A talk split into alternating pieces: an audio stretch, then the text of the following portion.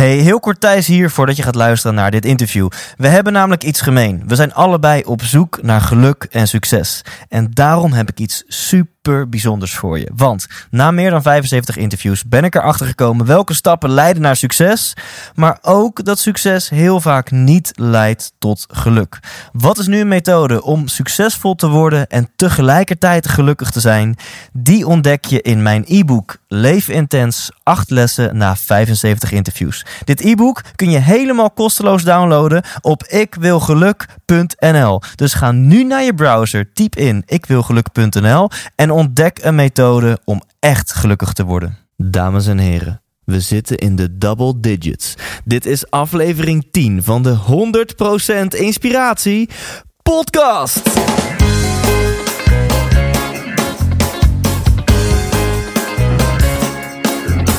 Wat goed dat je luistert. Hij staat weer voor je klaar. Je wekelijkse dosis inspiratie is weer daar. De allerleukste gasten geven al hun kennis prijs. Met je veel te blije host, hij praat je bij. Zijn naam is Thijs. Thijs, Thijs, Thijs, Thijs, Thijs. 100% Thijs. Oei, oei, oei. Heb je het gesprek van vorige week beluisterd met André Kuipers? Echt waar. Ik kan het nog steeds niet geloven dat ik hem heb mogen interviewen. Ik stuit er nog steeds na. Ehm, heb je dat interview nog niet geluisterd? Beluister hem dan direct na deze uitzending. Ehm, ik heb hem geloof ik al een keertje of twee, drie keer in mijn auto teruggeluisterd. Elke keer weer als ik het hoor, dan, dan ja, word ik opnieuw geïnspireerd. Hoor ik nieuwe dingen die ik daarvoor niet hoorde. Wat een gaaf en uniek verhaal. In deze uitzending, nou, niet nog een keer André Kuipers, maar ik heb Bas Eurlings voor je. Wie is Bas Eurlings? Hij is misschien geen bekende Nederlander. Hij is misschien iets minder bekend dan André Kuipers. Maar zijn verhaal is veel, veel inspirerender dan heel veel bekende Nederlanders. Dat durf ik te beloven. Waarom maak ik dit statement? Waarom kan je nu aan mij al horen dat ik weer super enthousiast ben? Nou, dat is omdat. Nou, weet je wat? Laat ik jou eerst eens een vraag stellen. Misschien ben je ondernemer of ZZP'er, maar je kent ongetwijfeld in jouw omgeving andere ZZP'ers en ondernemers. En hoeveel daarvan ken jij die nou, laat ik zeggen, meer dan 40 uur per week werken. Die zeg maar na 40 uur op de helft van hun werkweek zitten.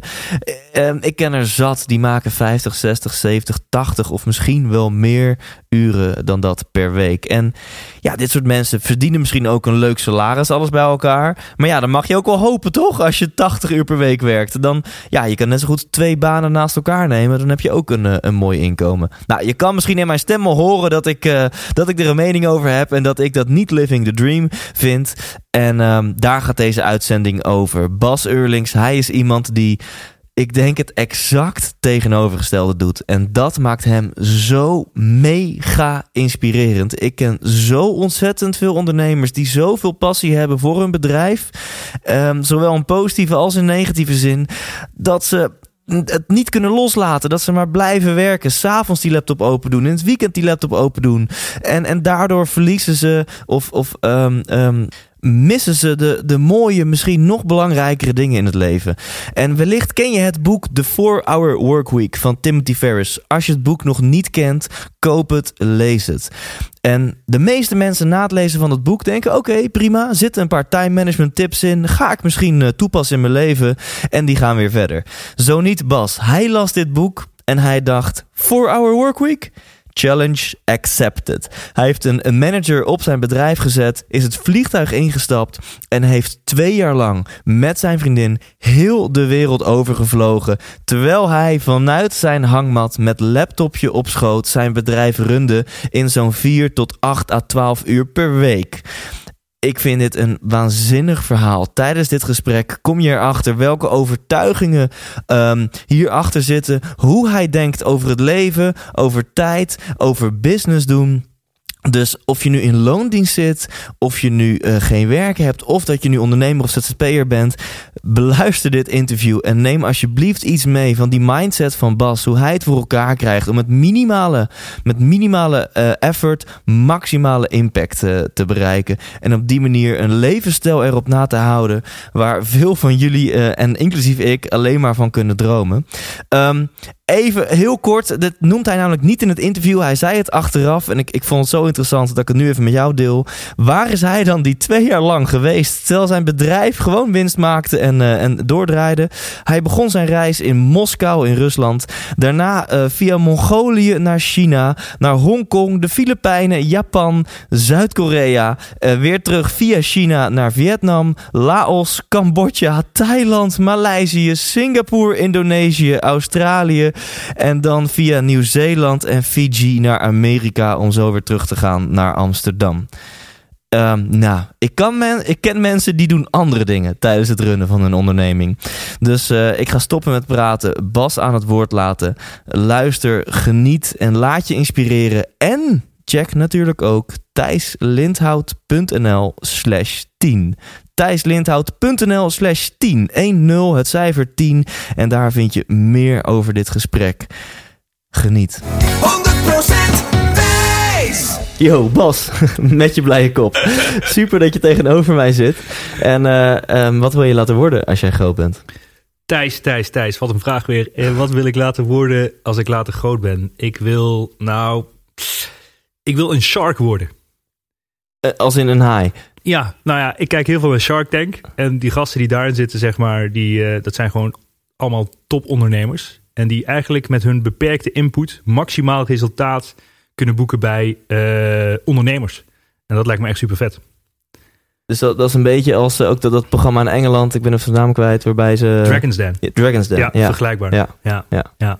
Dus jij wil een van die eindbazen worden die uh, um, zeg maar aan het rentenieren is en dan kijkt naar, naar nieuwe start-ups en dan kijkt van oké, okay, stop ik hier wat, uh, wat geld in. Precies, ja, ja. ja een beetje zo. En uh, ja, dus uiteindelijk wil je met je minimale input maximaal resultaat uit iemand halen, bij iemand bereiken. En, en, en als je dat kan, dat lijkt me gewoon het ultieme eigenlijk. Oké, okay, awesome. En um, ja, vertel eens wat over jezelf. Jij bent mogelijk iets, iets minder uh, bekend in Nederland dan, uh, dan de vorige geïnterviewde André Shit. Kuipers. Maar je hebt niet een minder interessant uh, verhaal. Daarom heb ik je hiervoor gevraagd. Dus vertel eens wat over wie is Bas Eurlings en, en wat doe jij? nou, ik ben Bas Eurlings, ben 31 jaar. ben opgegroeid in het zuiden van het land. Um, en ik ben inmiddels al een tijdje ondernemer. Um, maar wie ben ik? Ik ben vooral een uh, levensgenieter, denk ik. Ja.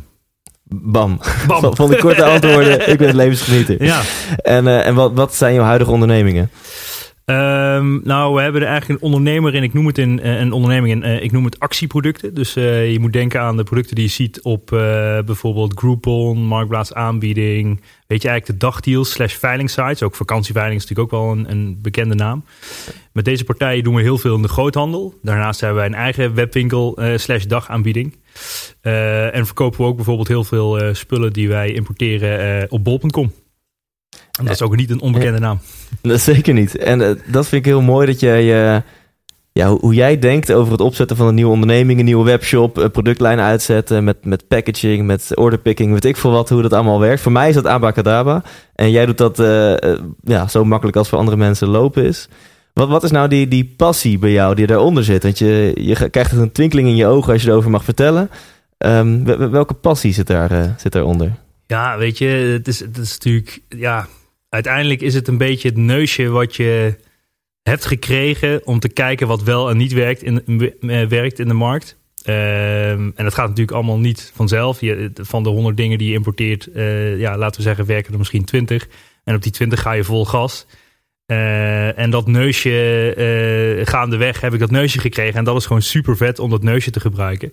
En op die manier eigenlijk, in, het maakt niet uit in welke markt, gewoon coole producten te importeren. En dat gewoon aan de man te brengen.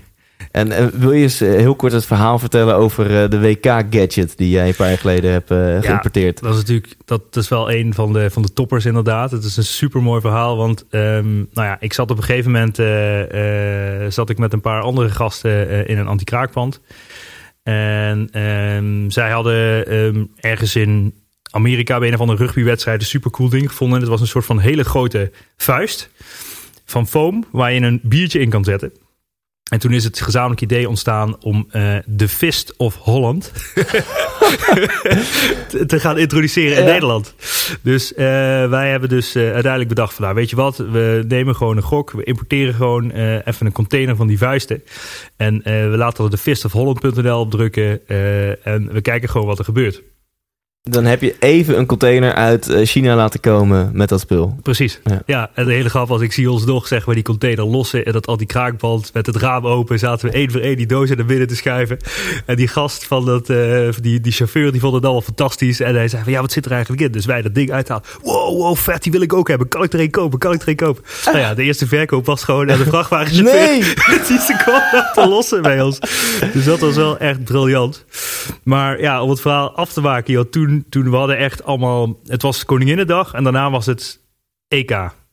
EK of WK, ik weet het niet. ik, weet ook heel weinig ik denk voetbal. Okay. um, het was in ieder geval iets met oranje. Ja. Dus we hadden oranje vuisten, daar stond de fistofholland.nl op. En uh, nou ja, we hadden allemaal, met Koninginnedag hadden we allemaal een uh, soort van, nou ja, ik wil het niet echt. Het zijn echt allemaal mensen die gewoon met van die rolcontainers, zeg maar, die je ook in de supermarkt ziet uh, bij de Albert Heijn. Hadden ze helemaal gevuld met vuisten, een heel groot kroontje erop gemaakt, de fistofholland.nl. En zo liepen die gasten dus gewoon met Koninginnedag door Amsterdam, Utrecht, weet je, al die steden waar het echt gebeurde. En dan gewoon allemaal, ja, die vuisten gewoon aan de band brengen. En iedereen was hilarisch. Dus het ging als een dolle stier. Gewoon dus echt verkoop op straat. Op straat verkopen. Ja, ja ik zelf niet. Maar natuurlijk, ja, maar natuurlijk al die. Dat, en dat was echt, ja, dat was gewoon heel goed geregeld. En daarna kregen we superveel aandacht uh, online. We hadden natuurlijk ook een webwinkel gemaakt. Um, plus, we hadden ons uh, bij RTL Boulevard opgegeven uh, als om EK-gadget van het jaar te worden. En uh, nou ja, de hele grote grap was gewoon is dat daar echt al die gadgets stonden van de Albert Heijn, van de Jumbo, van al die grote jongens. Met miljoenen ja, budget. Ja, miljoenen ja. budget en wat ze dan ook niet aan marketing doen. Ja. En uiteindelijk hebben wij gewoon de meeste stemmen gekregen. En was de Fist of Holland.nl EK-gadget van het jaar. Dus dat was gewoon briljant. ontstaan in een kraakpand met wat ondernemers. Precies. Prachtig. En, en hoeveel heb je er uiteindelijk verkocht? Ja, poeh, ik weet niet meer hoeveel in die container zaten. Het, het, het ja, het, het zullen er uh, duizenden zijn geweest. Maar, maar die, die, container die is, die is uitverkocht en je ja, had waarschijnlijk wel meer containers ja. kunnen bestellen. Nou ja, dat, dat duurt natuurlijk ongeveer twee maanden van bestellen tot aan wal. Ja. En uh, als je dat uh, voor het EK doet, dan is dat niet meer haalbaar. Ja. Dus we hebben erna nagedacht of we dat elk jaar of elke keer gingen doen. Nou ja, uh, dat is natuurlijk een, een, enorm risico. Zeker als je weet dat die gasten ja. niet meer kunnen voetballen. Ja, ja. dus ja, daar houdt het op. Ja. Maar dat, dat is dus ook ondernemen. Het ene moment, je, je, gaat het risico aan om die container, weet ik veel, er zitten er 10 of 20.000 in om die te bestellen. In dit geval heb je ze allemaal verkocht. Dan had je zoiets van, oké, okay, we hadden misschien wel vijf containers kunnen laten komen. Maar ja. voor hetzelfde geld uh, had je er maar uh, 1000 of ja. 500 verkocht. Ja. En zat je nog voor, voor 10.000 euro's aan, uh, aan plastic. Absoluut. Ja, dit, dit project was puur gewoon echt een soort van grap die was ontstaan. En dacht van, ja, dit is wel cool om te doen. En we hebben wel een paar enthousiaste kerels. Ja, laten we het gewoon doen. Weet je, probeer het gewoon. Dan we gooien allemaal wat geld bij elkaar. En toen gingen we dat uh, importeren. En uiteindelijk uh, ja, was het gewoon een groot succes. Ja. Zit hier misschien een tip in voor andere ondernemers, voor andere mensen die, die ook mooie dingen aan het doen zijn? Uh, misschien als ZZP'er, misschien als ondernemer of misschien gewoon in loondienst. Dat, um, dat jij er gewoon een grote fun factor in gooit. Uh, want dit was niet een idee waarbij je dacht: oh, hier ga ik echt uh, super rijk uh, mee worden. Sterker nog, je dacht waarschijnlijk: oké, okay, misschien gaat me dit geld kosten. Ja. Maar het was een lachidee. Ja. weet je wel, dus zit hier een tip in voor andere ondernemers dat, dat je het misschien niet te luchtig moet nemen en ook af en toe een grapje uit moet halen. ja, zo. absoluut. Kijk, als er humor of lol in het spel is, dan, dan doe je het zelf sowieso al ja, veel, veel grager eigenlijk. Ja. Dus je wil, je wil het gewoon zelf heel erg graag doen. Maar ja, goed. Ik weet niet, weet je, we, we, hadden natuurlijk een business draaien en, en, en uh, ja, we konden uh, het geld missen tussen haakjes. En we hadden zoiets van, ja, laten we dit gewoon doen, dat is grappig. Uh, ik zou het niet doen, zeg maar, maar als ik drie tientjes op mijn bankrekening had staan, om daar een grapje mee uit te halen. maar ja, het was gewoon super vet om het, om het te ondernemen en gewoon te kijken wat er gebeurde. En, en, en het, ja, het was echt een, een, ja, een succes wat we niet hadden verwacht. Ja. Dan, uh, dan wil ik je nu uh, ja, vragen om eigenlijk het verhaal te gaan vertellen. Wa waarom ik jou um, vooral heb gevraagd om in deze podcast plaats te nemen. En dat heb je eens aan mij verteld, laatst met een biertje erbij. En ik, ik heb echt nou, met, met open mond, open ogen zitten luisteren. Um, Want ja, jij staat ook wel bekend als de backpack-ondernemer, geloof ik. de backpacker. Ik weet niet eh, welke nicknames ze aan jou hebben gegeven. Ja. En dat is volgens mij ergens ontstaan in, jou, in jouw tienerjaren. Eh, kun je daar eens wat over vertellen? Of vanaf dat moment dat jij dacht... oké, ik, ik wil het anders aan gaan pakken in mijn leven... tot aan de, de toffe dingen die je nu doet. Ja. Ja, nou, ik was 16 jaar en ik had altijd toen al een soort van droom van, ja, wat, wat wil je nu eigenlijk, weet je? Dus je wil een soort van doelen stellen. En eh, een van die dingen dat ik dacht van, weet je, het internet was toen ook absoluut nog niet groot, maar ik dacht, wat ik wil, ik wil een laptop en een backpack en ik wil over de wereld. En ik wil vanuit elke hoek van de wereld mijn business kunnen runnen.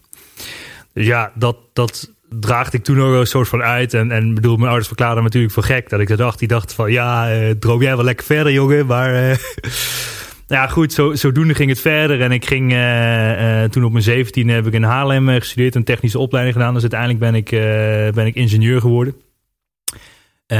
Maar ja, in het derde jaar van die opleiding heb ik een stage gelopen in China. Dus heb ik een half jaar in Beijing gewoond. Ja. En nou ja, toen gingen mijn ogen natuurlijk letterlijk open. Dat is inmiddels twaalf jaar geleden dat ik daar dus was. Ja, en toen was China gewoon nog... eh, en die stond eigenlijk aan de, aan de start van de echte exponentiële groei... zoals we dat nu eigenlijk allemaal Ja. kennen. En eh, als je nu het woord China noemt, dan denkt iedereen... oh ja, daar gebeurt het. Maar dat was toen, eh, dat was toen nog niet helemaal zo, weet je.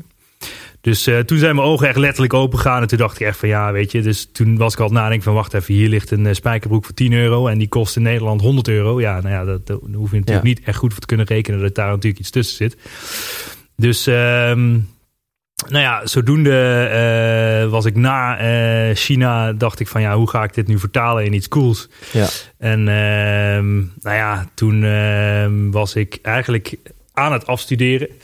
En eh, degene die mij naar China, eigenlijk mijn stage had geregeld in China, die, die benaderde mij. Die zei: Bas, ik wil een winkelformule openen. En misschien ben jij wel de juiste persoon om, om die kar te trekken. En nou, dat vond ik wel cool. En ehm, ja, toen eh, zodoende heb ik een businessplan geschreven voor die formule. En toen, eh, nou ja, echt eh, no time zaten we allemaal beurzen te bezoeken. En opende ik midden in het centrum van Utrecht, om de hoek bij de Domtoren, gewoon een winkeltje. En hoe eh, oud was je toen? Ja, toen was ik net afgestudeerd. Ik zal 1,22 zijn geweest of zo. Ja, ja, ja. Dus ehm, ja, dat was absoluut heel vet. En toen had ik dus midden in het centrum een winkel. En eh, nou ja, ik had, eh, we hadden een paar mensen in dienst. eh, maar ja, het is natuurlijk gewoon hard werken in winkel. Het is gewoon ze- Ja. vaak zeven dagen in de week open. Ja, het, het, het- bedoel, ik woonde toen boven die winkel en we hadden een klein kantoortje met een paar mensen achter de computer. Want we hadden ook een webwinkel natuurlijk daarnaast geopend. ja. En eh, nou ja, dat was een fantastische tijd. Eh, en, en de mensen die wisten ook gewoon dat ik daar in het centrum zat. Dus al mijn vrienden die kwamen midden in de nacht om één uur s'nachts... eh stonden bij mij aan de deur te bonken of ik weer alsjeblieft de stad inkwam. Ja, ja.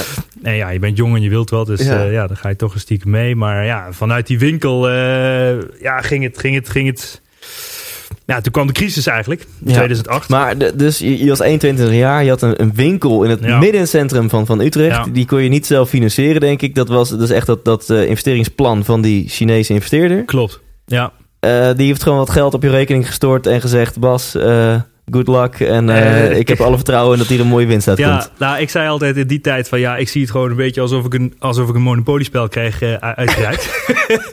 en Ja. ja, ja, en als je, als je uiteindelijk zeg maar niet genoeg huisjes kan bouwen of, het, of je komt in de gevangenis, ja, dan in principe eh, doet het niet heel veel pijn, zeg maar. Zo voelde het voor jou. ja, dat klinkt een dat, beetje dat zei je niet tegen hem, denk ik. Nee, waarschijnlijk niet. Right, vet. En, en om een klein stukje terug te gaan wat je geeft aan... Het begon allemaal dat jij tegen je ouders zei... ik wil de wereld overreizen en ik wil mijn ondernemingen over heel de wereld hebben. Ja, Ehm dat kwam niet uit het niets, toch? Dat kwam toch uit een, eh, wat, wat gebeurtenis in jouw leven... waardoor je dacht van oké, ik wil niet iemand worden die eh 9 to 5, eh 40 uur per week absoluut. werkt. Ja, absoluut. Ja, en die gebeurtenissen die kwamen een beetje eigenlijk tussen die, tussen die periode dat ik, ja, even in die periode misschien dat ik aan het studeren was. Nee, weet je, kijk, we hebben allemaal wel eens dierbaren verloren. En, eh, nou ja, het, en, en het, heel het gekke is, vaak komt, er, komt dat in een bepaalde periode dat je zeg maar een aantal mensen in je omgeving of zo verliest. En zo had ik ook een keer zo'n periode, weet je. Dan, toen gingen er gewoon ja, een, een x aantal mensen dood eigenlijk in mijn hele naaste omgeving. Ja. Uh, wat heel veel impact op me heeft gehad. En uh, zelfs, uh, nou ja, ook mijn ouders eigenlijk. mijn moeder heeft een hersenbloeding gehad waar ze gelukkig goed van af is gekomen. En mijn vader heeft een beroerte gehad in een vliegtuig. Toen hij nadat hij mij had bezocht in China, toen hij op de terugweg was. En ja, dat was gewoon ook bijna einde oefening. Zo. En als je, ja, als je dan gaat kijken naar, naar het leven en, en, en wat het nou eigenlijk echt is. ja, dan moet je het gewoon niet verprutsen. Dan, dan ja, bedoel, daarna heb ik maar één, één motto gehad. En dat is gewoon tijd is leven. En het is niet meer of minder dan dat. En, en daarna denk ik alleen maar na van ja, hoe kan je die tijd maximaal indelen om het optimaal uit het leven te halen. En dat is gewoon, uh, ja, weet je, ik zie heel veel mensen om me heen dan die veel te veel tijd spenderen aan dingen die eigenlijk niet het leven zijn. En dat vind ik gewoon zo jammer. Dat is gewoon zonde. Dat is gewoon echt zonde. Ja. Dus, dus al die tragische gebeurtenissen die, die eventjes in een korte tijd op jouw leven kwamen, alsof het universum een boodschap voor jou had. Ja. Uh, daar gaf jij de betekenis aan, oké, tijd is leven. Ja, absoluut. Ja. ja. En dan terug naar, uh, naar een paar jaar later, toen had jij dus uh, nog steeds die droom van oké, tijd is leven. Ik wil uh, op een uh, bijzondere manier mijn geld verdienen, de wereld over kunnen reizen, uh, veel kunnen leven. Ja. En toen vond jij jezelf heel veel werken omdat je een, een, een, winkel had midden in Utrecht. Precies. Nou ja, wat, wat, eigenlijk voor die winkel zat nog een andere onderneming. En dat is eigenlijk mijn eerste internetbedrijf. En we verkochten flessen wijn. maar op die wijn kon je eigenlijk een, op, je kon het etiket customizen online. Dus je kon online een foto uploaden, tekst erbij. Uh, ja, en nu is dat vrij mainstream. Maar toen de tijd hadden we alleen de HEMA als concurrent. En wij dachten, ja, dat kunnen we beter, dat kunnen we mooier. En uh, toen had ik ook met een, uh, met een maatje die ik had leren kennen, hebben we dat opgezet. En uh, nou ja, het heette toen wijnlatenbezorg.nl. Inmiddels uh, heet het volgens mij wijnbezorg.nl. Maar ik ben dat toen, uh, toen, eigenlijk toen kwam die winkel op mijn pad. En weet je, en ik had toen echt uh, nou ja, een soort van focus als een kanaal, weet je. Dus ik was in je studententijd en ik vloog elke maand alweer ergens anders heen om gewoon lol te maken.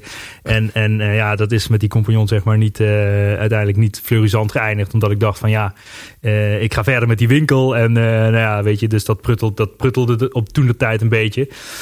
Nou ja, en, en uh, inmiddels uh, hoorde ik uh, een tijdje geleden dat, dat die gast wel aardig heeft doorgepakt. En dat hij zeg maar de business net heeft verkocht aan een vrij grote club in Nederland.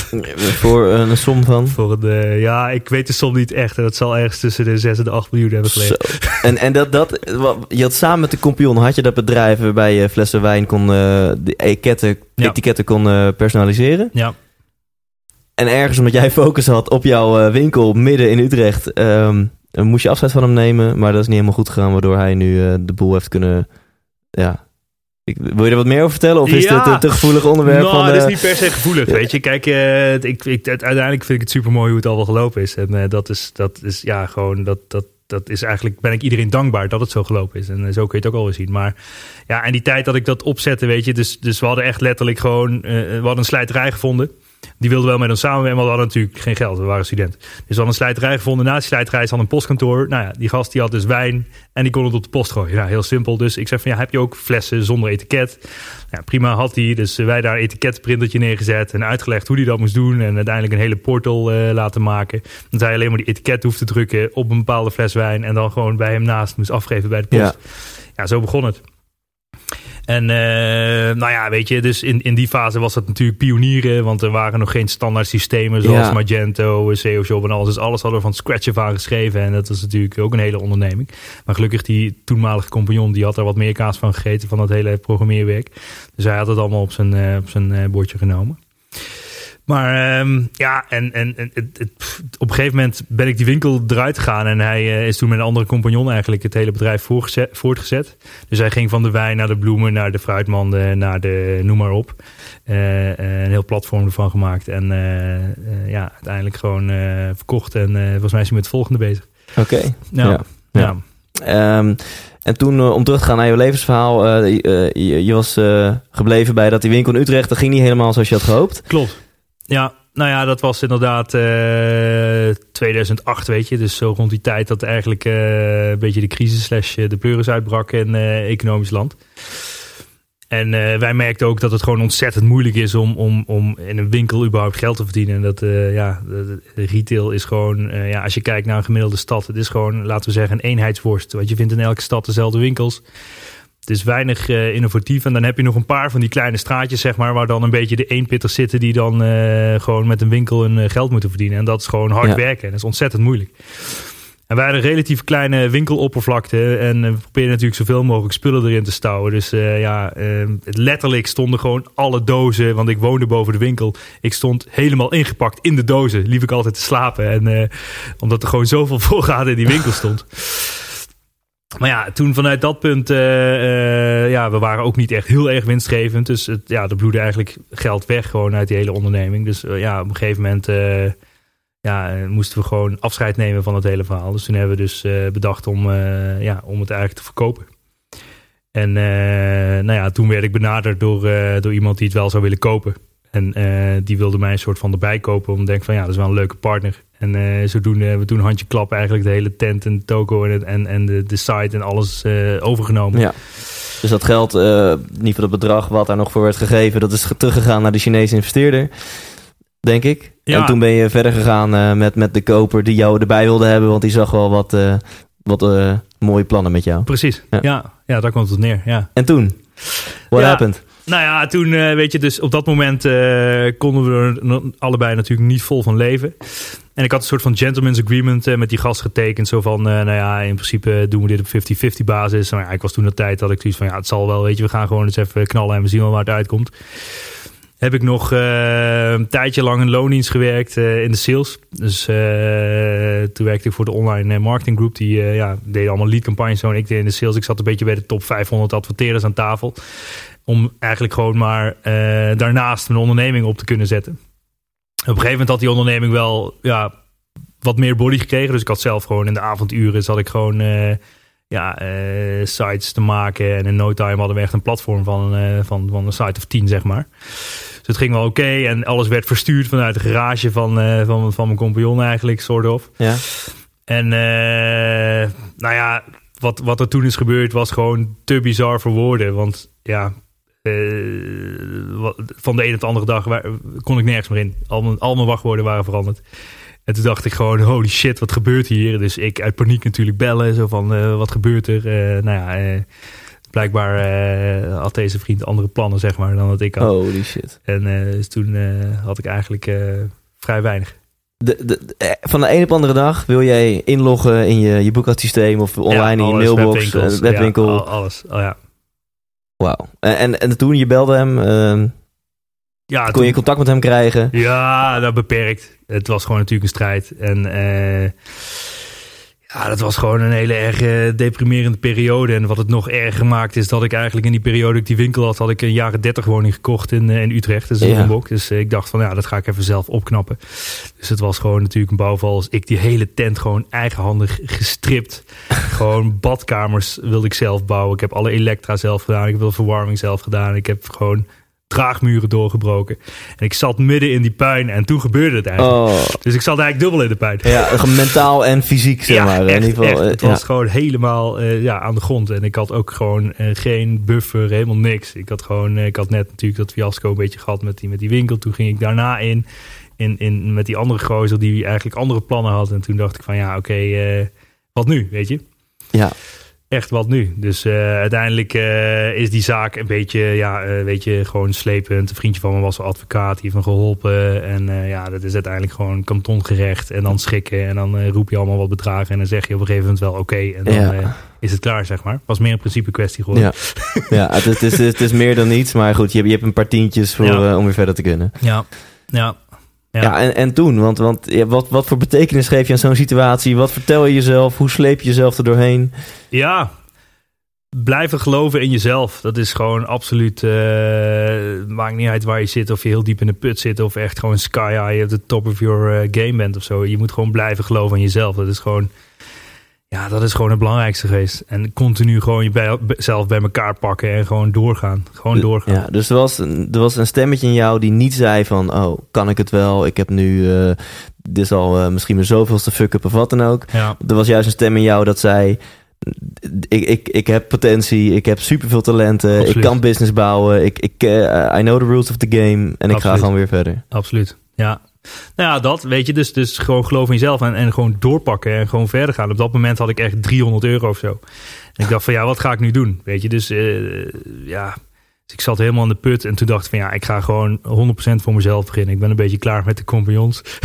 ik kan me voorstellen, ik kan me voorstellen. Ik ben een beetje klaar met de compagnons. In jezelf geloven en gaan. Dus ik had, ik denk, ik heb 300 euro, wat ga ik hier doen? Nou, toen, toen dacht ik, ik ga gewoon, ik begon toen echt met een of andere samurai horloge te importeren uit, uh, uit China.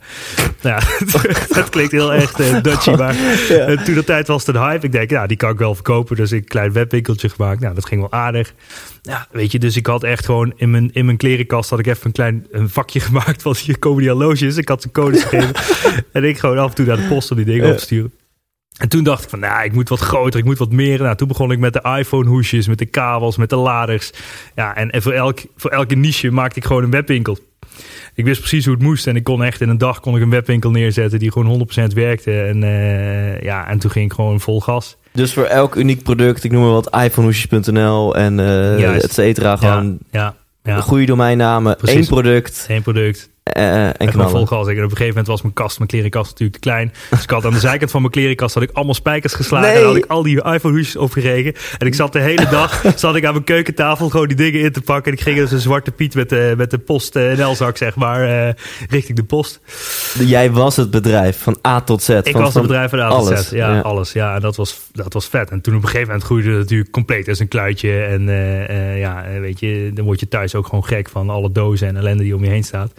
Ja, dat ging gewoon goed. Dus ik dacht van, wat gaan we doen? Oké, weet je, anti-kraakpand. Nice. Dus ik denk, anti-kraakpand heb je natuurlijk gewoon 500 vierkante meter voor een paar honderd euro, zeg maar. Nou, daar heb ik gewoon zes bureautjes op een rij gezet. Ik denk, oké, prima. Ik zet nu een advertentie op Stage Plaza. Ik ga eens kijken wat er gebeurt. en de stagiaires die bleven maar solliciteren. Ik denk, wat gebeurt er allemaal? Dus die kwamen allemaal één voor één. En ik dacht, weet je wat? Ik neem er gewoon meteen zes aan. Dus iets in die advertentie op Stage Plaza, dat, dat triggerde studenten Ja, om... eh, ja, Oké, dit is een toffe ja. club. Precies. Ja, Vet. gewoon jong. En ik, ja, ik had plek nodig. Dus ik had gewoon zes bureaus op een rij gezet. En ik had een klein kamertje waar de iPhone hoesjes, laderskabels, de voorraad en alles stond. Ja. En eh, in, in één keer zat ik gewoon met zes van thuis starten met 300 euro. Zat ik op een gegeven moment met zes stagiaires in een anti-kraakpand. ja, maar goed, anti-kraakpand kost niet heel veel. Zes stagiaires kost ook niet heel erg veel. Dus Nee. dat, deed je, dat deed je vrij, eh, vrij Ja. briljant. Dat ging eh, sky high. En, en mijn motto was gewoon, hou die bedrijfscultuur gewoon optimaal. Kijk, ik was zelf natuurlijk, ik ben nog steeds jong, vind ik. Maar ik was toen nog jonger. Ja, en gewoon eh pingpongen, tafelvoetballen. Gewoon eh één keer in de zoveel tijd met die gasten lekker bolen, eten. En eh, dat doen we overigens nog steeds. Ja, ja. maar ja, dat, dat houdt het bedrijf gewoon super cool om, om in te werken. En ja, om die curve een beetje, een beetje te laten zien, zeg maar. we- Op een gegeven moment gingen we toen zaken doen, dus met de dagdeelpartij, wat we dus hedendaags nog steeds doen. En ja, ik startte met 300 euro en er kwam een 6, zeg maar, met 5 nullen. In dat jaar dat ik eigenlijk totaal aan de put zat. Dus ik ging echt van, ja, van zero naar hero in dat jaar. Je, je, je, je, je ging van, van 300 euro naar, naar een omzet van 6 ton in Ja. één jaar. Ja, ja, ja. Dat was echt ongekend. En puur door alleen maar te geloven in jezelf. Gewoon gaan met die banaan. En gewoon, ja, dat was gewoon eh, fantastisch. En, En, toen, en, ja, en toen? ja, nou ja, de, de droom die, die heb ik natuurlijk nooit verloren, weet je. Dus gewoon met je, met je, met je eh, ja, laptop in je backpack over de wereld. En op dat moment dacht ik van, ja, weet je, ik heb wel een paar leuke gasten in mijn bedrijf werken... die gewoon de tent wel zelf ook gewoon kunnen runnen. En ik, en ik heb toen een paar maanden erover gedaan om mezelf totaal overbodig te maken in mijn business. En eh, eh, ja, eh, de boel zeg maar zoveel mogelijk proberen te automatiseren. En ja, toen dacht ik, als ik, als ik kan gaan, dan moet ik het nu doen. En nou ja, toen de tijd had ik een vriendin, wat inmiddels mijn vrouw is. Dus dat is, dat is goed gaan. en, nou ja, ik dacht van, ik heb gewoon een, ja, ik, had, ik heb een appartement verhuurd. ehm, Ja. En eh, ik heb gewoon eh, alles in dozen gedaan en eh, in een opslag gezet. En gewoon een enkeltje Moskou geboekt. Ik denk, hier begint het avontuur. Ik zeg, we gaan een paar jaar over de wereld trekken. Dat was het idee. We weten nog niet hoe lang, we weten nog niet waar we heen gaan. Maar het begon enkeltje Moskou. Gewoon alles aan de kant gezet. Zaak geregeld, zodat er gewoon continu geld binnen bleef komen. Wauw. Dus onbepaalde tijd, onbepaalde locatie. Juist. En, en je had jezelf overbodig gemaakt in je ja, business. Ja, dat. Ja, ja, ja, ja. En toen gewoon enkeltje Moskou. Zit je in het vliegtuig naar Moskou, weet je. Dat, ja, joh, ik, ik bedoel... ik, ik land dan al in Moskou. Daar staat dat het begin van die periode van je, ja, we pakten het vliegtuig. We hadden geen idee waar. En natuurlijk allemaal afscheid en afscheidsfeest en drinken. En al je vrienden denken: wat ga, wat ga je doen? Wat ga je doen? Moet je geen carrière maken? Weet je, al dat soort. Nou ja, en wij stonden in Moskou. We dachten: van, hier gaat het avontuur beginnen. Ja, ja, was gewoon super vet. En uh, nou ja, uiteindelijk besloten om de, de Trans-Mongolia Express, uh, heet dat, te nemen. Ja. Dus die gaat dan door uh, Rusland, Mongolië in, wat overigens echt een fantastisch land is. Ja. dan zie je al die nomaden echt die gewoon in the middle of nowhere leven. En nou ja, zo. Uh, en en ik, ik, de eerste maanden was zo lastig. Ik moest natuurlijk helemaal downscalen van die, van die business. Ik zat nog helemaal met mijn hoofd uh, helemaal te malen. En ik zat, lag in die trein, zeg maar, met alle luisterboeken in mijn oren. Alleen maar gewoon informatie te opnemen om beter te worden. En oh, ja. de hele ja, uh, reeks van Robert Kiyosaki, dat is al bekende. Rich Dad Poor Dad. Rich Dad Poor Dad, daar begon het mee. Toen dacht ik, ik ga ze allemaal luisteren. Ja, ik had natuurlijk gewoon alle tijd. Dus uh, en zodoende. En was dat dan hobby of passie? Of was dat omdat je toch nog het gevoel had dat je uh, je moest blijven ontwikkelen om je business te blijven runnen? Weet ik niet. Ik, ik probeerde gewoon. Ja, probeerde gewoon informatie tot me te krijgen die me uiteindelijk misschien beter maakt of zo. En waar ik, waar ik gewoon heel slim uh, en efficiënt met die informatie kon schakelen. En dat ja. is uiteindelijk wat, wat het beetje het doel daarvan was. Ja.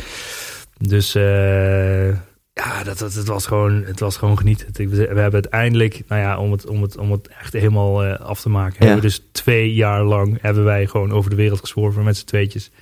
En we hebben de meest ja, bizarre uh, avonturen meegemaakt, echt in, in, de, in, de, in de meest rare landen, zeg maar. En gewoon... hoe is dat? Wat doet dat met je om twee jaar lang um, en het ook nog eens zo goed voor elkaar te hebben dat er gewoon maandelijks een geldbedrag op je rekening komt, waardoor je je daar geen zorgen over hoeft te maken? Wat doet dat met je om twee jaar lang ultieme vrijheid te voelen en, en te gaan en staan waar, waar je maar wilt? Ja, nou, dat, heeft, dat heeft best wel uh, gewoon impact gehad ook over hoe ik naar de wereld kijk. En, uh, en, en voornamelijk, uh, denk voornamelijk materialisme, weet je. Dat, dat, ik ben er gewoon achter gekomen dat het totaal niks waard is. Totaal niks, weet je. Ik was 16 ik riep altijd, ja, mijn dertigste ben ik miljonair, heb ik een Porsche en en, en door al die landen te zien waar mensen eigenlijk helemaal niks hebben en gewoon een paard, een wagen en, en whatever. Maar zijn ze nou minder of meer gelukkig? Nou, ik denk dat, dat, ze, dat er genoeg mensen zijn die helemaal niks hebben, maar wel gelukkig zijn. En, en, en door die hele reis heen we pas laten beseffen eigenlijk wat, wat voor een waanzin eigenlijk hier in de westerse wereld gebeurt. En, en dat is gewoon, dat is gewoon niet te bevatten eigenlijk. Ja. Dat, dat, ja, ja. zo zie ik het. En daar heb je ook nog wel wat concrete dingen mee gedaan, toch? Uh, dat, dat je uh, ook hebt geholpen in die landen om, uh, om, om te bouwen aan een school? Of, ja, nou, nee, dat, dat is wel grappig dat je dat aan. Want dat was toen eigenlijk voordat ik naar China ging. Oh, wacht. Ik haal... Voor de reis ja, heb ik ontwikkelingswerk gedaan in oh, Afrika. Okay, Klopt, okay, daar heb ik kinderscholen gewerkt, olifantenkamp gewerkt. En ja, dat was ook fantastisch. Ja. En een van jouw dromen nu is om, om met wat ondernemers in Nederland geld in een potje te gooien. En dan echt mooie dingen te kunnen gaan doen om de wereld een stukje, stukje beter te maken. Ja, in een derde wereldland lijkt me super vet. Om een paar ondernemers inderdaad uh, iets cools te doen in een land waar heel veel mensen heel erg gelukkig van worden. Ja. ja, ja. Maar dat vind ik wel kick hoor. Dat je aangeeft hoe, hoe relativerend het eigenlijk is om, om dan twee jaar lang weg te gaan. Ja. En dat je, dat je en intens geniet, denk ik. Maar dat ja. je ook na, gaat nadenken door de dingen die je ziet en over het leven. Ja, klopt. Nou ja, ik was op reis, heb ik heel veel documentaires gekeken, weet je, over, over een beetje de, de rijken der aarde tussen haakjes. Dus Steve Jobs, Bill Gates en zo. En een, een van de filmpjes van Steve Jobs en deze tekst heb ik weken, maandenlang op mijn iPhone scherm gezet toen ik hem eigenlijk aanzette. En hij zegt uh, eigenlijk, everything you call life is made up by people they were no smarter than you. Eigenlijk gewoon, in andere woorden, van alles wat jij het leven noemt, is gewoon bedacht door mensen die niet veel slimmer zijn dan je zelf bent. En, en dat is zo true, weet je. Ga terug naar de Romeinen, weet je. Maakt niet uit waar. Er was helemaal niks. Er was geen geld, er was, er was geen... Nou, voedsel was er dan wel, maar goed. Er was helemaal niks. Maar alles wat je hier nu ziet, het, of het nou een financieel systeem, een juridisch systeem, een monetair systeem, het maakt niet uit wat het is. Het is allemaal bedacht. En wij leven eigenlijk in dat hele, misschien wel geloof, ja. allemaal samen. Ja. Omdat wij hebben afgesproken dat je bij een rood bord moet stoppen en dat je uh, met een euro een, een Mars kan kopen en whatever. Weet je, ik bedoel, het is allemaal bedacht. En als je vanuit het, coole natuurlijk van Steve Jobs is dat als je vanuit die basis kan kijken, dat je ook echt coole dingen kan creëren waar andere mensen iets mee kunnen. Ja. Dat is uiteindelijk wat Steve Jobs heeft gedaan natuurlijk. Dat is een bepaalde overtuiging die jouw beeld van de wereld ineens compleet overhoop Ja. gooit. En waardoor je hele andere dingen kan gaan doen. Ja, ja, ja. En na die hoeveel heb je gewerkt die twee jaar? Trouwens. reizend eh, kon ik het doen met eh, nou, tussen de 4 en de 12 uur per week, denk ik. Ja, Dus echt ja. Timothy Ferris, 4 Hour Workweek. Ja. de kaf van het boek, zie iemand in zijn hangmatje liggen. Precies. 4 à 8 uur of à 4 à 12 uur per week lag je in je hangmat met je laptop op schoot. Ja, ja, ja. En dat was het. Ja. Nou ja, er waren uitdagingen gaandeweg natuurlijk, weet je. Kijk, een business eh, die gaat niet eh, alleen maar omhoog als je niks doet. Mhm. dus eh, op een gegeven moment, ik had mijn, mijn, mijn ja, eigenlijk, het is gewoon, ieder, iedereen werkt wel eens met AdWords, weet je. Dus het is eigenlijk het advertentiesysteem van Google. Ehm, en ehm, nou ja, op een gegeven moment heb ik dus een flinke, ze noemen het de Google Slap, oftewel de AdWords penalty gekregen. En eh, nou ja, waar het kort op neerkomt, is dat je heel hard aan het adverteren bent en dat je daar heel veel winst uit haalt. En in één keer zegt Google van, hey, wacht even, jij bent eigenlijk niet be- bezig volgens de regels. Dus we gooien jouw account gewoon lekker eruit. Eh, eh, dus toen ging ik echt van sky high Oh, naar sky Maar, low. maar, en dat, dat was niet eens waar, toch? Want, want je had een advertentie, had je offline staan, Ja. die niet... Want kun je dus wat over vertellen? Of, Klopt, of mag nou dat ja. niet? Krijg je dan eens weer een Google Slap? Nee, nee, dat mag. Vertel, want ik we vind het wel ook creatief hoe je dat we hebt zaten gedaan. in de, in de iPhone hoesjes toen de tijd. En nou ja, toen dacht ik van, je mag op het woord iPhone mag je niet adverteren. Dus ik dacht gewoon, ja prima, dan maak ik gewoon hoofdletter L en dan phone. Nou, dat lijkt een beetje hetzelfde. Nou ja, eh, dat vond Google natuurlijk niet heel erg leuk. Dus zij doen dat zogenaamde tekstmanipulatie. Ja, En toen dacht ik van, nou weet je, dan, dan dus toen dacht ik van, oké, dan moet ik het niet doen. Dus al die advertenties heb ik of, eh, eigenlijk op onzichtbaar gezet in mijn account. En toen daarna heb ik mijn AdWords uitbesteed aan een, aan een bedrijf die daarna mijn hele eh, eh, advertenties optimaliseerde. ja, dus al die advertenties waarvoor je een, eh, een hoe heet het dan, een penalty? Of heet het dan in ieder geval, je, je was op je vinger gestikt door Google en die advertenties stonden nu allemaal offline, dus er was gewoon niks aan de hand. Ja, er was niks aan de hand. Toen ja. was er nog niks aan de hand. Ja. Dus toen heb ik mijn, mijn, mijn hele AdWords uitbesteed aan een bedrijf. Nou ja, ongeveer anderhalf jaar later, dus toen waren we inmiddels al op reis. Toen ging Google onze account herwaarderen. En toen zagen ze de onzichtbare advertenties, dus nog met het woord L-phone, waar we dus natuurlijk niet op mochten adverteren, omdat het heel veel op Ja. iPhone lijkt. Maar- En toen zei Google gewoon, bam, dit kan niet, mazzel. En account eruit. Account eruit. Oh, en oh. in die account zaten al mijn webwinkels waar ik mee, al mijn Dus webwinkels die online elke staan. euro omzet haalde je uit Google AdWords. Nou, een groot deel. Niet, ik wil niet zeggen elke, maar een groot deel. Het was dat, deel. En dat is ook natuurlijk de grootste les die ik heb gehad. Van ja, je moet niet afhankelijk zijn van één kanaal. Dus ja, eh, dat, daar, daar doe je later natuurlijk meer mee. Maar op dat moment kwam echt nou, 80% van de omzet kwam gewoon uit Google AdWords. En wat gebeurde er met je winst? Wat was je winst voor dat moment en wat was je winst na dat moment? Nou ja, weet ik veel. We maakten echt daarvoor echt eh 30, 40k per maand winst of zo. En het ging gewoon naar, naar eh, 10, 20 in de min, zeg maar. Zo. Dus Ja. ja, ja dat hou je natuurlijk niet lang vol. Dus ik Overnight. Gewoon je wordt wakker en ja, oh, ja oh, letterlijk overnight. Ja, bam. En het was gone, ja. En toen? Ja, en toen heb ik een eh, vrij creatief concept eh, de lucht in geknald. Want ik had natuurlijk heel veel voorraad nog van al die hoesjes, kabels en ladertjes. Nou, dat heette toen de tijd gratis koop. Bestaat inmiddels niet meer, dus eh, dat is ook wel mooi te vertellen. Maar ehm, je kan het, wat, wat het idee daarvan was, is je, je had alle producten kon je gratis krijgen. Je hoeft alleen maar verzendkosten te betalen. Maar je moest het product delen via Facebook of Twitter voordat je het in je winkelmandje kon doen. Nou ja, en toen de tijd waren de eh, algoritmes van Facebook en Twitter nog wel anders. Dus ja, dat was gewoon echt letterlijk toen een sneeuwbaleffect. En dat ging gewoon als een lopend vuurtje, omdat alles gratis was. En je kon voor 5,95 euro kon je eh, zeg maar eigenlijk alles kopen tussen haakjes. Ja, want die 5,95 dat waren verzendkosten. Dat waren verzendkosten, het En is jij- gratis. En jij kon daar eh, gewoon nog mooi geld op verdienen. Ja, omdat die verzendkosten ja, meer precies. waren dan eh, wat het product kost en Exact. inkoop. En, ja. Het product kost inkoop tussen, laten zeggen, tussen de 10 cent en een 1,50 euro. En dan verstuur je het en dan hou je nog winst over. Maar het zit echt in het volume. En dat volume bereikt je dus door de gratis marketing eh, slash power van de social network te gebruiken. Ja. Dus jij zit ergens op onze aardbol in een hotelkamer met je laptop. Oké, ik, ik moet nu iets geniaals bedenken, Ja, anders ben ik out of business. En toen kom je met dit idee. Dat heb je eh, gemaild naar Nederland en die zijn het gaan uitvoeren. klopt. Ja, ik zat toen in China in eh Iwu. Dat is echt een van de grootste. Nou, er zijn gewoon ongeveer tien, zeg maar, ter groot. Dus de grootste markt slash eh, ja, beursachtig iets ter wereld. Waar gewoon al die Chinese suppliers bij elkaar zitten. En daar zat ik toen de tijd, toevallig. dus eh, nou ja, toen hebben we daar al die kraampjes afgestruind voor nog meer spul. En hebben we echt superveel hebben we, Ja. eh, over laten vliegen. En die hele shop gevuld. En ja, zo gingen we gewoon, Ja. gingen we gewoon weer lekker vrolijk verder. Ik vind het zo briljant, want zoveel mensen stoppen zoveel van hun tijd en energie in het probleem. En dit was nogal een probleem. Hier, Absoluut. hier had je had alle recht om in de slachtoffermodus te. Je had alle recht om te zeiken. Het, ja, het, Maar- ge- het gebeurde gewoon in de derde maand of zo van de reis. En ik dacht van, nou, het gaat niet gebeuren dat ik in maand vier weer huilend thuis zit. Oh, het gaat allemaal niet lukken. Dus ik dacht gewoon, alles wat ik, ik kan, alles wat ik thuis kan, kan ik hier ook doen. Dat was toen mijn overtuiging. En eh, dat, dat was ook gewoon zo. Ik had een laptop, ik had internet. Ik bedoel, meer had ik thuis niet Ja. nodig om uiteindelijk de business gewoon weer op een bepaald niveau te brengen wat je het graag wilde. Ja.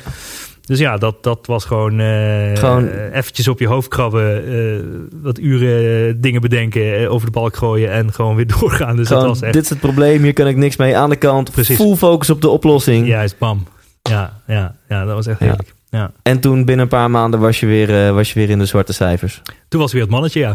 Ja. was je weer het mannetje. Ja, nou ja de, de hele truc van, de, van dat reizen is natuurlijk gewoon dat je overheid laag moet houden. Dus, dus we hadden toen nog steeds gewoon een eh, ja, gewoon goedkope kantoorruimtes. We werkten gewoon met, met niet, niet met veel personeel. Ja, de tent draaide gewoon door. Dus dat, dat, was gewoon, dat was gewoon uiteindelijk de filosofie. Hey, en toen Ja. kwam, je, kwam je thuis, na twee jaar. Eh, twee jaar lang had je 4 à 12 uur per week gewerkt. En toen? Ja, toen, eh, ja, dat was gewoon af. Dat was gewoon super lastig. Het, het, heeft echt maandenlang geduurd voordat ik eigenlijk weer aan het besef was: wat gebeurt hier nu eigenlijk? Wat doen die mensen hier elke dag?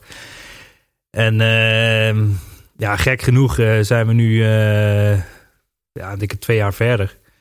En ehm, weet je, je wordt, je wordt eigenlijk wel een beetje een systeem ingezogen of zo. Zo zie ik het ook wel. Natuurlijk, en mijn bedrijf bestaat nog steeds. En eh, eh, het groeit eigenlijk alleen maar. Meer mensen op kantoor, meer handel, meer dozen. Alles wordt groter. Maar ja, het, de, de grootste overtuiging die ik had is dat tijd leven was. Dus ik probeer gewoon met mijn minimale input maximaal resultaat te bereiken. En ehm, ja, ik probeer gewoon niet meer dan 20 uur op kantoor eh, te zitten. En, en dat lukt aardig. Ja. dus Dit, dit vind ik altijd mooi. Welke overtuigingen zitten erachter eh het, het succes van iemand? En nou, je begon dit interview al inderdaad met, met hoe kun je met minimale input maximaal resultaat behalen? Dus dat is denk ik een vraag die jij jezelf heel vaak stelt. Ja. En, eh, en jouw tweede leefregel die je ons hebt gedeeld is tijd is leven. precies. Dus als je die twee samenvoegt, Ja. dan doet dat wat met de manier waarop je in het leven staat, de manier waarop jij in je bedrijf staat. Zeker weten, ja. Hey, welke tips heb jij voor andere ondernemers? Nou, ik heb ze ook al een beetje genoemd. Gel- Blijf geloven in jezelf. Geloof in jezelf, 100% in je eigen kracht, in je eigen ding. Ben niet onzeker. Durf op je bek te gaan, weet je. Je moet heel snel heel veel fouten maken. En dat is de enige manier om echt snel vooruit te kunnen gaan. En, en dat is gewoon eh, mijn nummer één tip. Ja.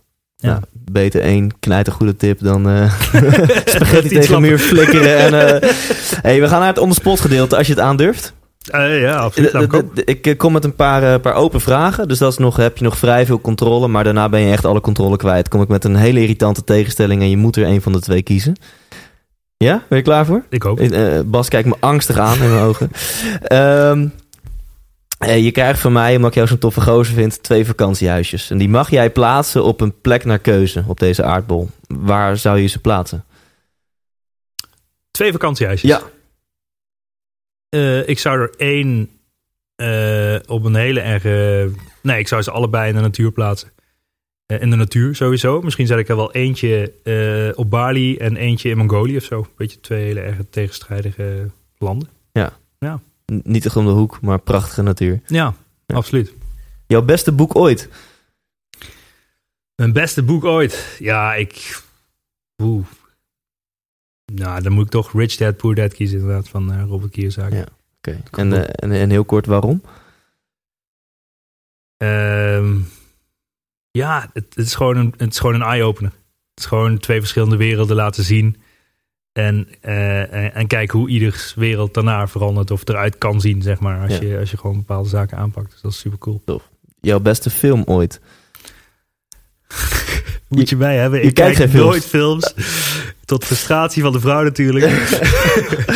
Eh, geen Nothing Hill, geen... eh, Oh nee, ik kijk nooit films, nooit series. Ehm, maar best, ik, ik weet het niet. Ik ken ook geen acteurs, helemaal niks. Oké, we gaan eh, gewoon door. Wat, wat ligt er op je nachtkastje? Ik heb geen nachtkastje. Mijn telefoon ligt er ook niet. Er ligt eigenlijk helemaal niks. Je moet helemaal niks. Je moet rust hebben als je slaapt. Dus er ligt niks. Je telefoon ligt ergens in de huiskamer. ja op, die staat uit s'nachts. Uit, Altijd. Staat ja. er ergens in een andere kamer. Ja. Ja.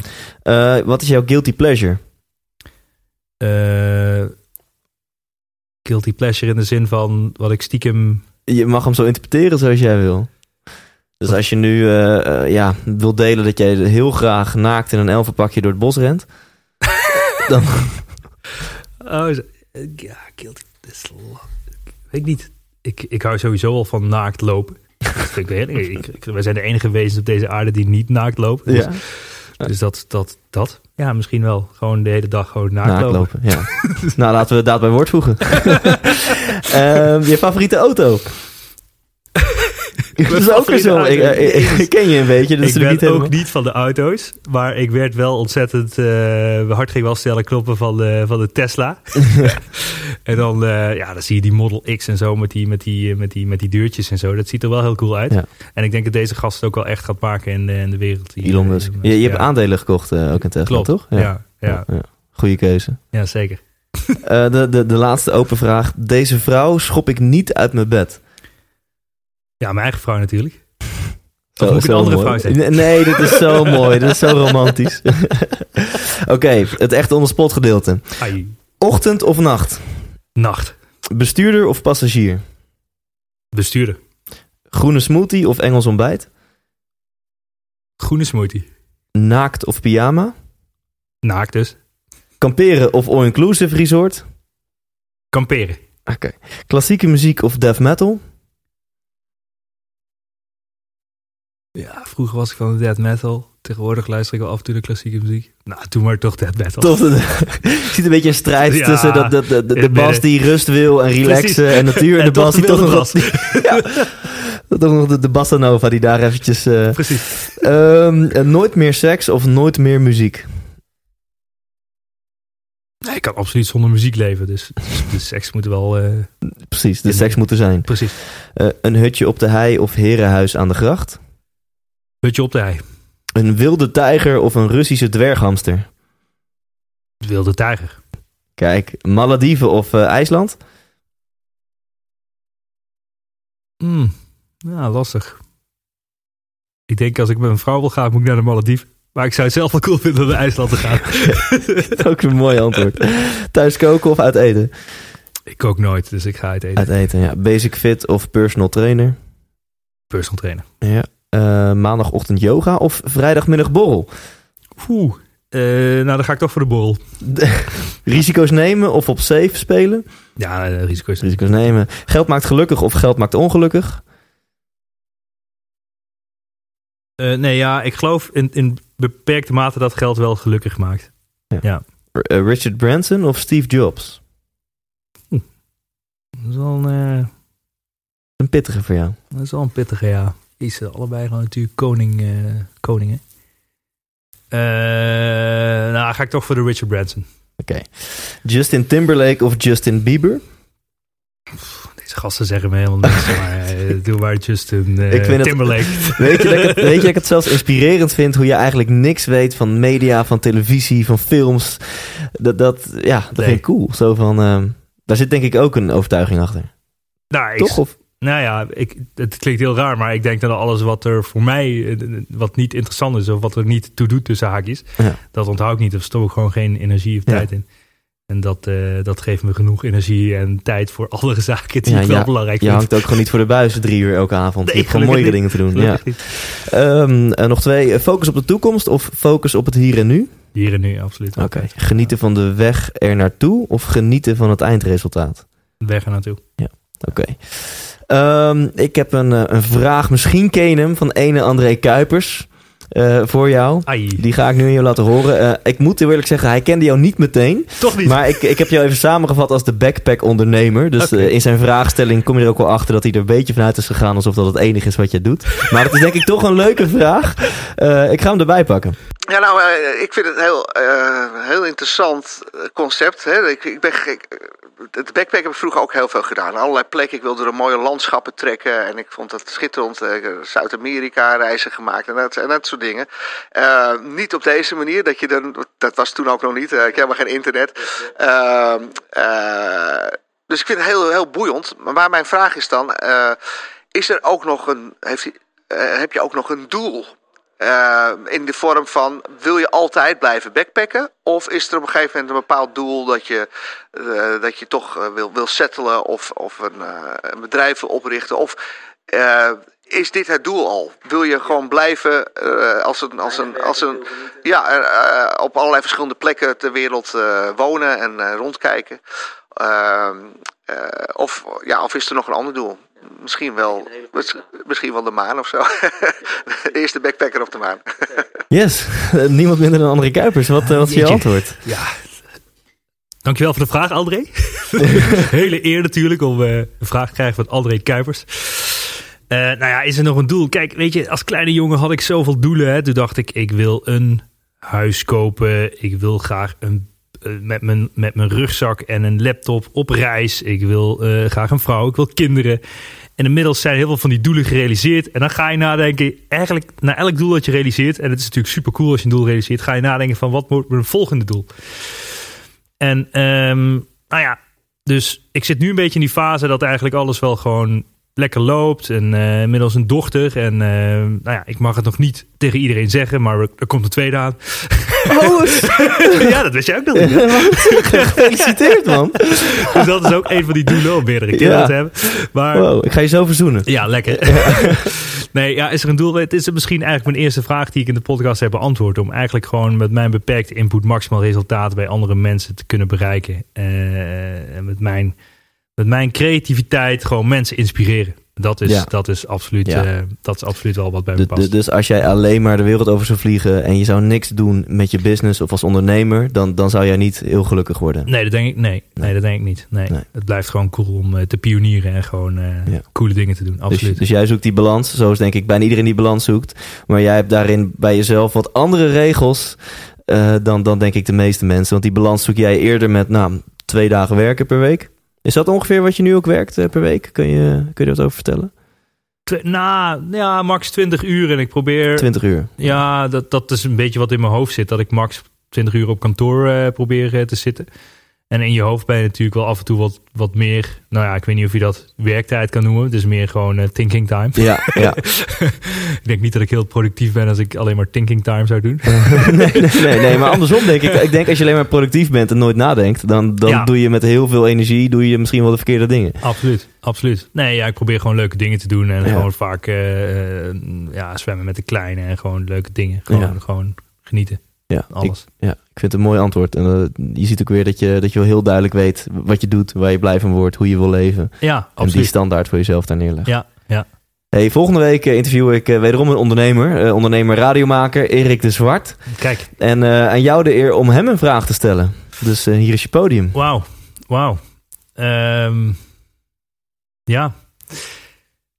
Ehm, nou, ik vind het wel natuurlijk wel grappig om hem te vragen ehm, of hij het idee heeft eh, dat hij zijn tijd maximaal aan het leven kan spenderen of niet. Of hij zijn tijd maximaal aan het leven kan spenderen. Ja, of hij vindt dat hij zijn tijd maximaal aan het leven kan spenderen of niet. Perfect. Dat is een ja, coole vraag. Ja, hele coole vraag. Zeker. Ja, Ehm, hey, het zit erop, Bas. Helaas. Ik vond het Ja. superleuk gesprek. absoluut. En eh, nou, heel veel eh, succes, gezondheid toegewenst met, met de, de tweede kleine opkomst. Thanks man. Tot later. 100% wijs! Hey, wat leuk dat je er nog bent. Ik hoop dat ik niks te veel heb gezegd. Wat een gesprek, wat een verhaal. Hoe hij omgaat met zo'n Google Penalty, met andere dingen. Ik vind het heel mooi om dat te zien. Dit soort mensen, daar geniet ik van. Ik heb een hele hoop mensen die, die vinden het tof wat ik allemaal doe. En daar hou ik natuurlijk van. Tuurlijk vindt mijn ego het leuk om complimentjes te krijgen. Maar als ik met Bas praat, dan zeg hij tegen mij... Thijs, jongen, ga eens wat minder werken, man. Eh, ga eens wat meer leven, geniet meer. En ja, dat, dat vind ik ook gewoon stoer. Mensen die mij uitdagen om, eh, om eh, het leven nog beter aan te pakken. Meer te genieten, meer intens te leven. Ehm, vind je dit ook leuk? Laat alsjeblieft wat achter op mijn Facebookpagina. Ik doe heel hard mijn stinkende best om er een leuke Facebookpagina van te maken. Die op dit moment met name gaat over deze podcast. En je vindt dat op de 100% Thijs Lindhout Facebookpagina. 100% bent Thijs Lindhout op Facebook. Ehm, check ook even het blog op thijslindhout.nl slash 10. En volgende week, je weet het inmiddels, interview ik Erik de Zwart, radiomagnaat. Dat wordt een mooi gesprek, een mooi verhaal, dat voel ik nu al aankomen. Ik hoop dat je dan weer gaat luisteren. En tot die tijd, onthoud, leef intens. Hey, Thijs hier nog even heel kort. Als je dit interview hebt geluisterd, dan ben je net zo'n gelukstijgertje als ik. En dan is er maar één ding wat je nu het allerbeste kunt doen. Namelijk gaan naar ikwilgeluk.nl, want daar download je helemaal kosteloos mijn e-book en ontdek je wat wel en niet gelukkig maakt. Oftewel, bespaar jezelf een hele hoop ellende van het zelf proberen uit te vogelen en ga nu naar ikwilgeluk.nl.